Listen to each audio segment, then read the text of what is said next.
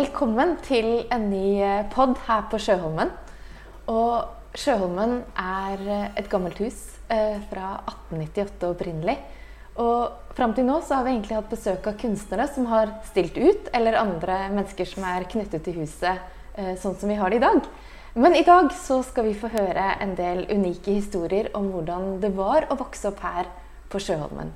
Så velkommen, Aksel, til at du ville komme til oss og fortelle om Sjøholmen eh, i Ja. gamle dager. Ja. Ja. Når bodde du her egentlig, først og fremst? Vi har et årstall. Eh, altså vi Far og mor og vi fire barna flyttet fra Gjøvik, hvor vi er født alle fire. Og det var i 1947 vi kom hit. Og da levde fortsatt Klareng, altså min eh, farfar, da. Mm. Eh, Jeg var tre og et halvt år gammel den eneste gangen jeg husker jeg har sett ham. Da kom han ut fra sin store avdeling med soverom og alt de hadde, baderom og alt. Hele borteste delen av huset, den, eh, den ble bygget opp, eller på, av Arnstein Arneberg. Mm.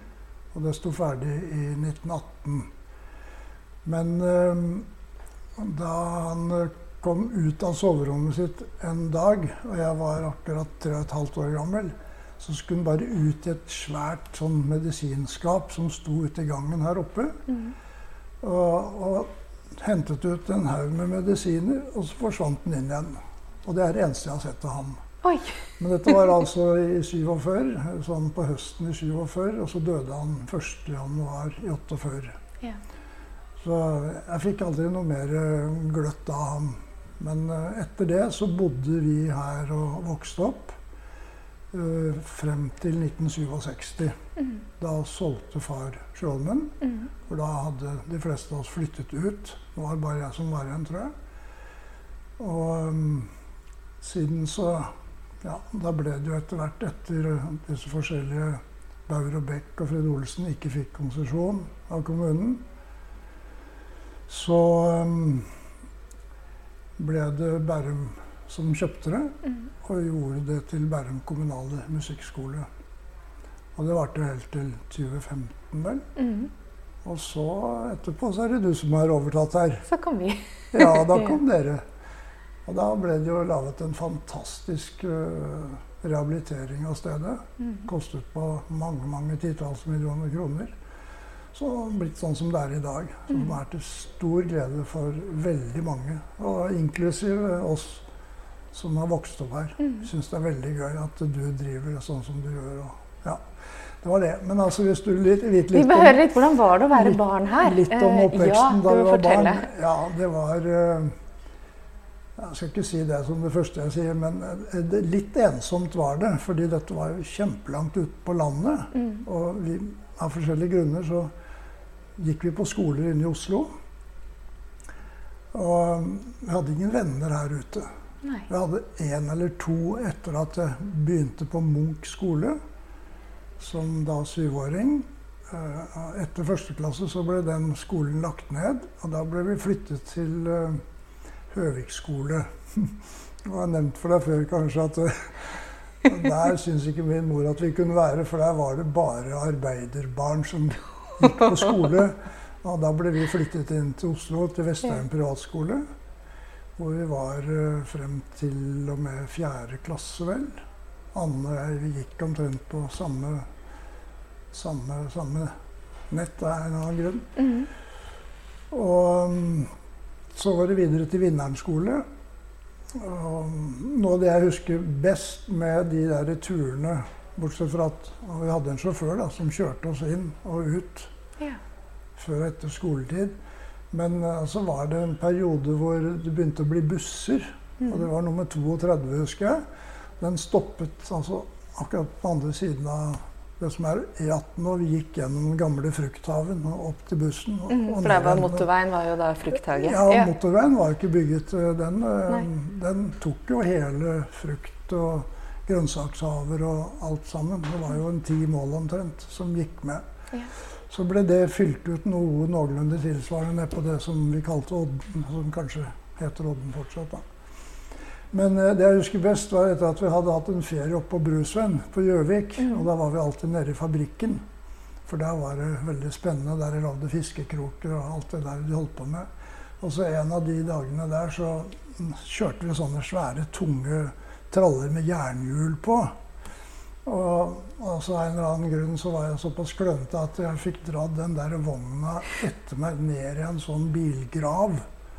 Hvor Oi. de liksom kunne kjøre ned for at det var lett å laste kasser og sånn Ja. inn. Alt som skulle eksporteres utenlands. Og da fikk jeg kløyva halve huet omtrent. Og jeg husker fortsatt det ble satt inn 13 sånne veldig pene sånne små sølvklyper istedenfor å sy. Og så etter det så var jeg tilbake hit, og så var det i gang på til og fra Vinneren skole, ikke sant. Og da husker jeg, da gikk jeg med en sånn svær bandasje. ikke sant? Så i hvert fall ikke ut som en vanlig nordmann lenger. og da syntes de så synd på meg på bussen at jeg kjørte gratis en hel måned. til og fra. ja, Det er det jeg husker best fra liksom, de Fra skolehverdagen. ut og inn. Ja. Ja da. Altså, det gikk jo på et vis, da. Men det rommet vi sitter i nå, det var biljard den gangen når Her du var var her? det et uh, veldig nydelig biljardbord Mm. og sofaer og ja, sitteplasser. Så vi kunne være tilskuere eller vi kunne spille eller hva vi gjorde. Mm. Det bordet det fikk min bestefar bygget i 1905 i Normandie. For han bodde jo da med mine foreldre, eller min far da, og hans søsken, i Rouen. Ja, Duclair het det der nede.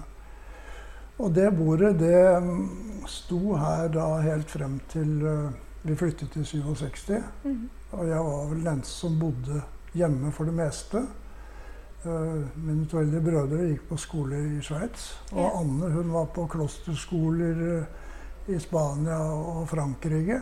Så du ble Så jeg bodde hjemme her helt alene. Og det var mor og far, og så var det meg. På var det vår- 1500 kvadratmeter. og så var det onkel Ole da, som bodde i hele i min oppvekst i hvert fall, oppe i tårnværelset. Ja, hvor Smokkeprinsessen bor i dag. Ja, så har, det er ja. Vel smokkerommet der, ja. ja. Nei, for han var kav ordblind, og det skjønte ikke foreldrene hans. Han ble sendt rundt på de samme skoler og universiteter som sine to eldre brødre. Mm. Og far og Klareng, som var eldstemann, de hadde sånne klisterhjerner og var jo ferdig utdannet sivilingeniører før de fylte 21 nede i Zürich. Onkel Ole fikk ikke til noen ting. Og det var min mor som oppdaget mange mange år etter at hun var gift med far, at han var helt kav ordblind. Ja. Og det visste man ikke hva var den gangen. Så han bodde her mesteparten av han livet sitt? bodde her Ja. og ble underholdt av mine foreldre helt til sånn på 60-tallet en gang. Men ellers så hadde dere barnepike, tjenere, kokke. Hvordan var Ja, liksom ja, ja, hverdagen her? det, det var et kobbel med kokk og sånn eh, anretningsansvarlig og Det var forresten Anretningen er helt identisk med det den Mm. er beholdt som. Ja. Og så var det tre-fire sånne som ordnet med rom. og Det var italienere og etter hvert spanjoler. Mm. Kjempesøte unge kvinner Mm. som eh, stelte hele huset her. Og, ja, noen, ja. Så var det jo en gartner som stelte hele haven, og så var det sjåføren som kjørte til og fra og Mm. fikset og ordnet biler. og vi hadde jo stående både den gamle sekshjuleren og den egoisten, den lille bilen han Ja. bestefaren min bygget ute i garasjen her. Ja. Så rett som det er, så sneik vi oss ut i garasjen, og så krabbet vi inn i disse bilene, og så lot vi som vi var ute og kjørte biltur. ja. Og den, eh, begge disse bilene er jo på museene i Norge nå, som ble forrært av min far. Du fortalte en historie om at det var hester her, at dere rei inn i stuene eh, Ja, ja. en gang også, som Jo, ikke altså, var så Hvis du ser den kopien av maleriet som henger ute i gangen her, mm. hvor min far og hans eldste søster går på ski, og så er det en hest med en slede og sånn. Ja. Um, vi bygget ut den låven Mm. et tak til, sånn at jeg hadde to hester der ute. For jeg red mye der i oppveksten min. Uh, og så hadde vi, Det var jo en skøyeraktig greie som veldig mange husker enda, det var, Vi hadde jo russefrokosten fra Bjørknes privatskole. Mm. Vi var 90 mennesker her. Oi. Eh, med både vår klasse og en klasse til fra Bjørknes der. Og alt var dekket opp ute i, ute i spisestuen. Og så hadde vi hadde to hester i tillegg til min rideheste. Det var en sånn eh, Det var en fjording som het Annabelle.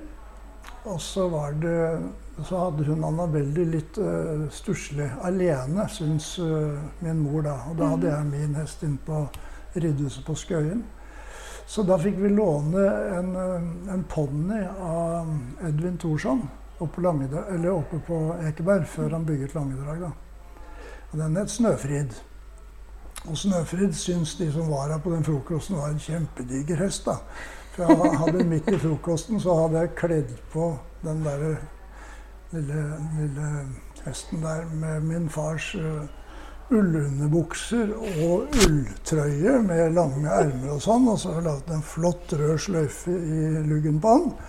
Og så dro jeg den inn i spisestua der. Så vi hadde tatt av skoene, da, så han ikke skulle ødelegge hele parken. Det var jo hyggelig. Ja, og det, jeg har møtt folk nå, til og med i år har jeg møtt ja, men du, husker den der enorme hesten som du kom inn med? Som egentlig var en ponni. den så stor ut inni spisestua, da. Ja. Men det var i hvert fall moro. Men vi hadde jo hester her hele tiden. Da, stort sett. Og i familien så har det vært dyktige ryttere. Så det var litt av hele oppveksten til min fars søsken òg. Mm. De hadde hester her, de også. Ja. Men hvordan var din mor? Hun var på en måte husvertinnen her. Eh, altså, om, din mor hun ja. var husvertinnen her. Hun, jeg hørte også om at hun tok inn noen flyktninger som fikk bo her. Eh, ja, ja, det, ja, det, var ikke få. For uh, det var spesielt i forbindelse med revolusjonen i Ungarn i mm. 1956. Ja. Så tok mor og far et initiativ, da, spesielt mor som styrte det der. For han hadde nok med jobben sin, kanskje. Men um, da hadde vi i en periode mellom 56 og 57 ca. 20 ungarere boende her hos oss. Wow. Og da var gartnerboligen fortsatt uh, stående der oppe, helt der hvor broen er i dag omtrent. Ja. Uh, så det ble utsatt rivningen av den uh, i forbindelse med alle planene med ny 18 og sånn. Så der bodde det vanligvis hvert fall fem-seks ungarere. Og så bodde det to-tre-fire her rundt omkring i huset.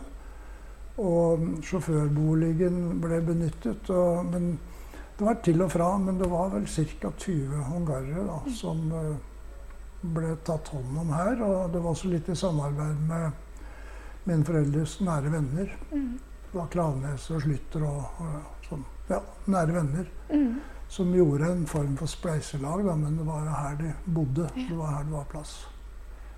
Men jeg har alltid hatt en følelse at det har vært en veldig sånn inkluderende familie og inkluderende hus. altså Fortalt ja. om disse store juleselskapene hvor alle ja. fikk gaver, og det var langbord, og ja, alle var velkommen. Ja, da. Det var jo altså hele søskenflokken til min far de syns egentlig at det var de som eide Skjolmen fortsatt. etter at de flytta inn i 47. For de var åtte søsken til sammen? Ja, så de egentlig de var her. De, det var ikke noe å lure Nei. på.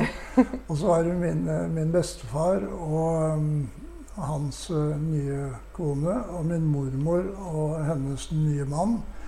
De var her nesten annenhver helg, sånn på skift. Spesielt mm. vinterstid og, og sånn. I helgene. Ja. Da satt vi stort sett inne i den stua der med fyr på peisen. Og han gamle Aksel Collett han sa det. Han, han jeg er jo ja, kalt opp etter ham, da. Han, han, var en jævla flott kar.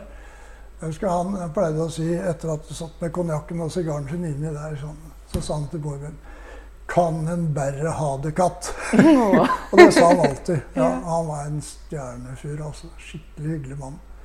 Eh, jeg var på sykehus med han. De bodde på nummer 206 på Rikshospitalet. På indremedisinen der. For jeg lå med gulsott, og han hadde sånn anemi. Ja.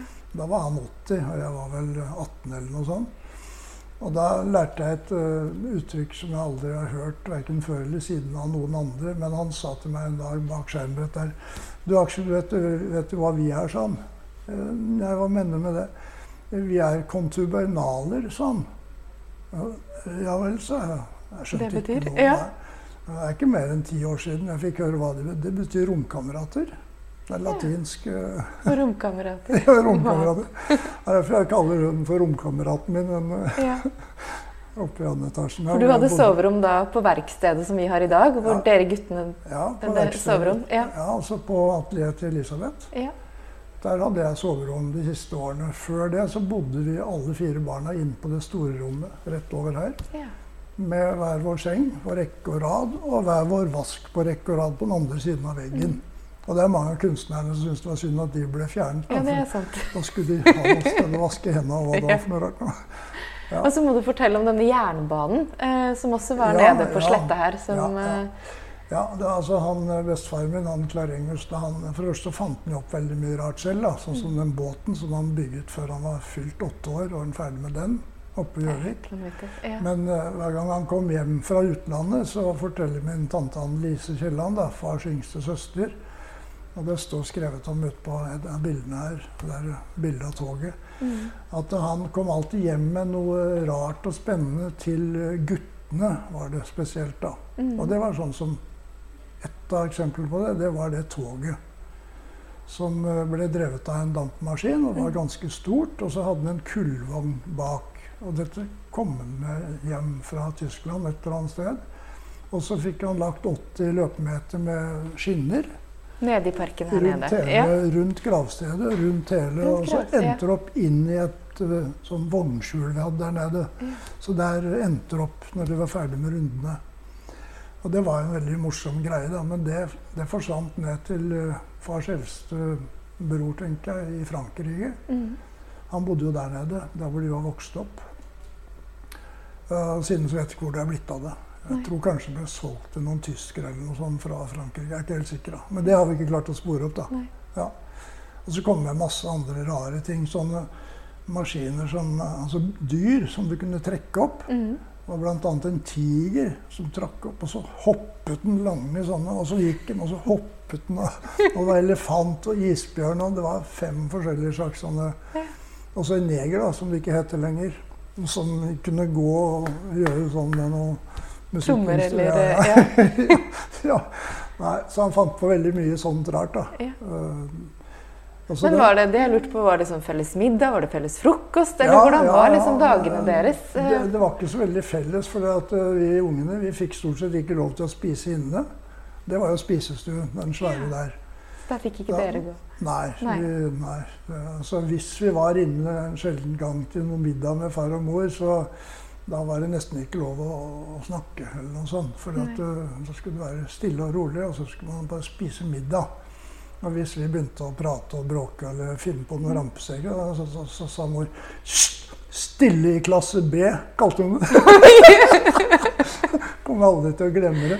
Så hadde vi sånne asjetter den gangen med sånne riller rundt hele. Ja. Og for å irritere foreldrene våre skikkelig, så tok vi og skrapte med gaflene på de rillene, og det bråkte jo noe jævlig, vet du.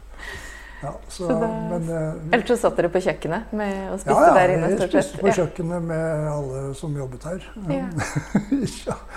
Det var spesielt der hvor det er kjølerom nå. Ja. Eh, Der eh, var det et veldig stort kvadratisk bord hvor vi kunne sitte en tolv mennesker rundt. i hvert fall. Mm. Og Der hadde vi sånne koselige rekeaftener og sånn. Og det var med far og mor. Ja. Men akkurat den der spisingen Inne i spisestuen, der var det forbeholdt av en eller annen rar grunn. Og dette var jo det bordet vi satt rundt der. Mm. Det kunne jo trekkes ut, så det satt 36 mennesker rundt det bordet. Mm. Og så akkurat over uh, midten av bordet så hang det ned en sånn liten ledning. Ja. Og så når uh, far eller mor da syntes de var ferdig med en eller annen rett, så, så gjorde far sånn. Sånn på den der. Så kom den tilbake, ikke sant? Ja. Og så trykket den og ringte. For Ja. da skulle Så det ble servert middag hver dag i spisestuen? ja, ja, ja, ja, ja da. Men da var det tjenerskapet som kom da og tok ut og inn med nytt og desserter og hva det. Nei, så det var, men det var jo sånn den gangen. Altså, de hadde jo, de hadde jo brukbar økonomi og, og Det er et stort hus å holde her. Mm. Så at det var eh, både stuepiker og kokker og alt mulig rart. Mm. Var jo, sånn var det. Ja, Mm. ja da. Men din far drev da Mustad-fabrikker? Ja, Ja. han eh, eide jo det sammen med sin fetter Johan Nordahl Mustad. Mm. De to døde nesten samtidig. Han, Johan Nordahl ble bare Han ble vel 55, tror jeg. Far ble bare 59. Døde Mm. av kreft, begge to. Så far var jo der og var veldig mye reising verden rundt. Og mor var ofte med på det. Og derfor så var i hvert fall jeg kjempeglad for at vi hadde en nydelig sånn eh, som passet oss, da. Ja. Som het Søster Else, kalte vi henne. Ja. Hun var jo med på en av de siste Mustad-festene vi hadde her. Mm. Skulle vært med på min 70-årsdag også. Ja, det var hun nå, forresten. Mm. Hun døde nå i forfjor, var det vel. Mm. Noe godt over 80 år gammel. Men eh, hun bodde først på det rommet som jeg flyttet til, da, der hvor Ja. Elisabeth er nå. Ja.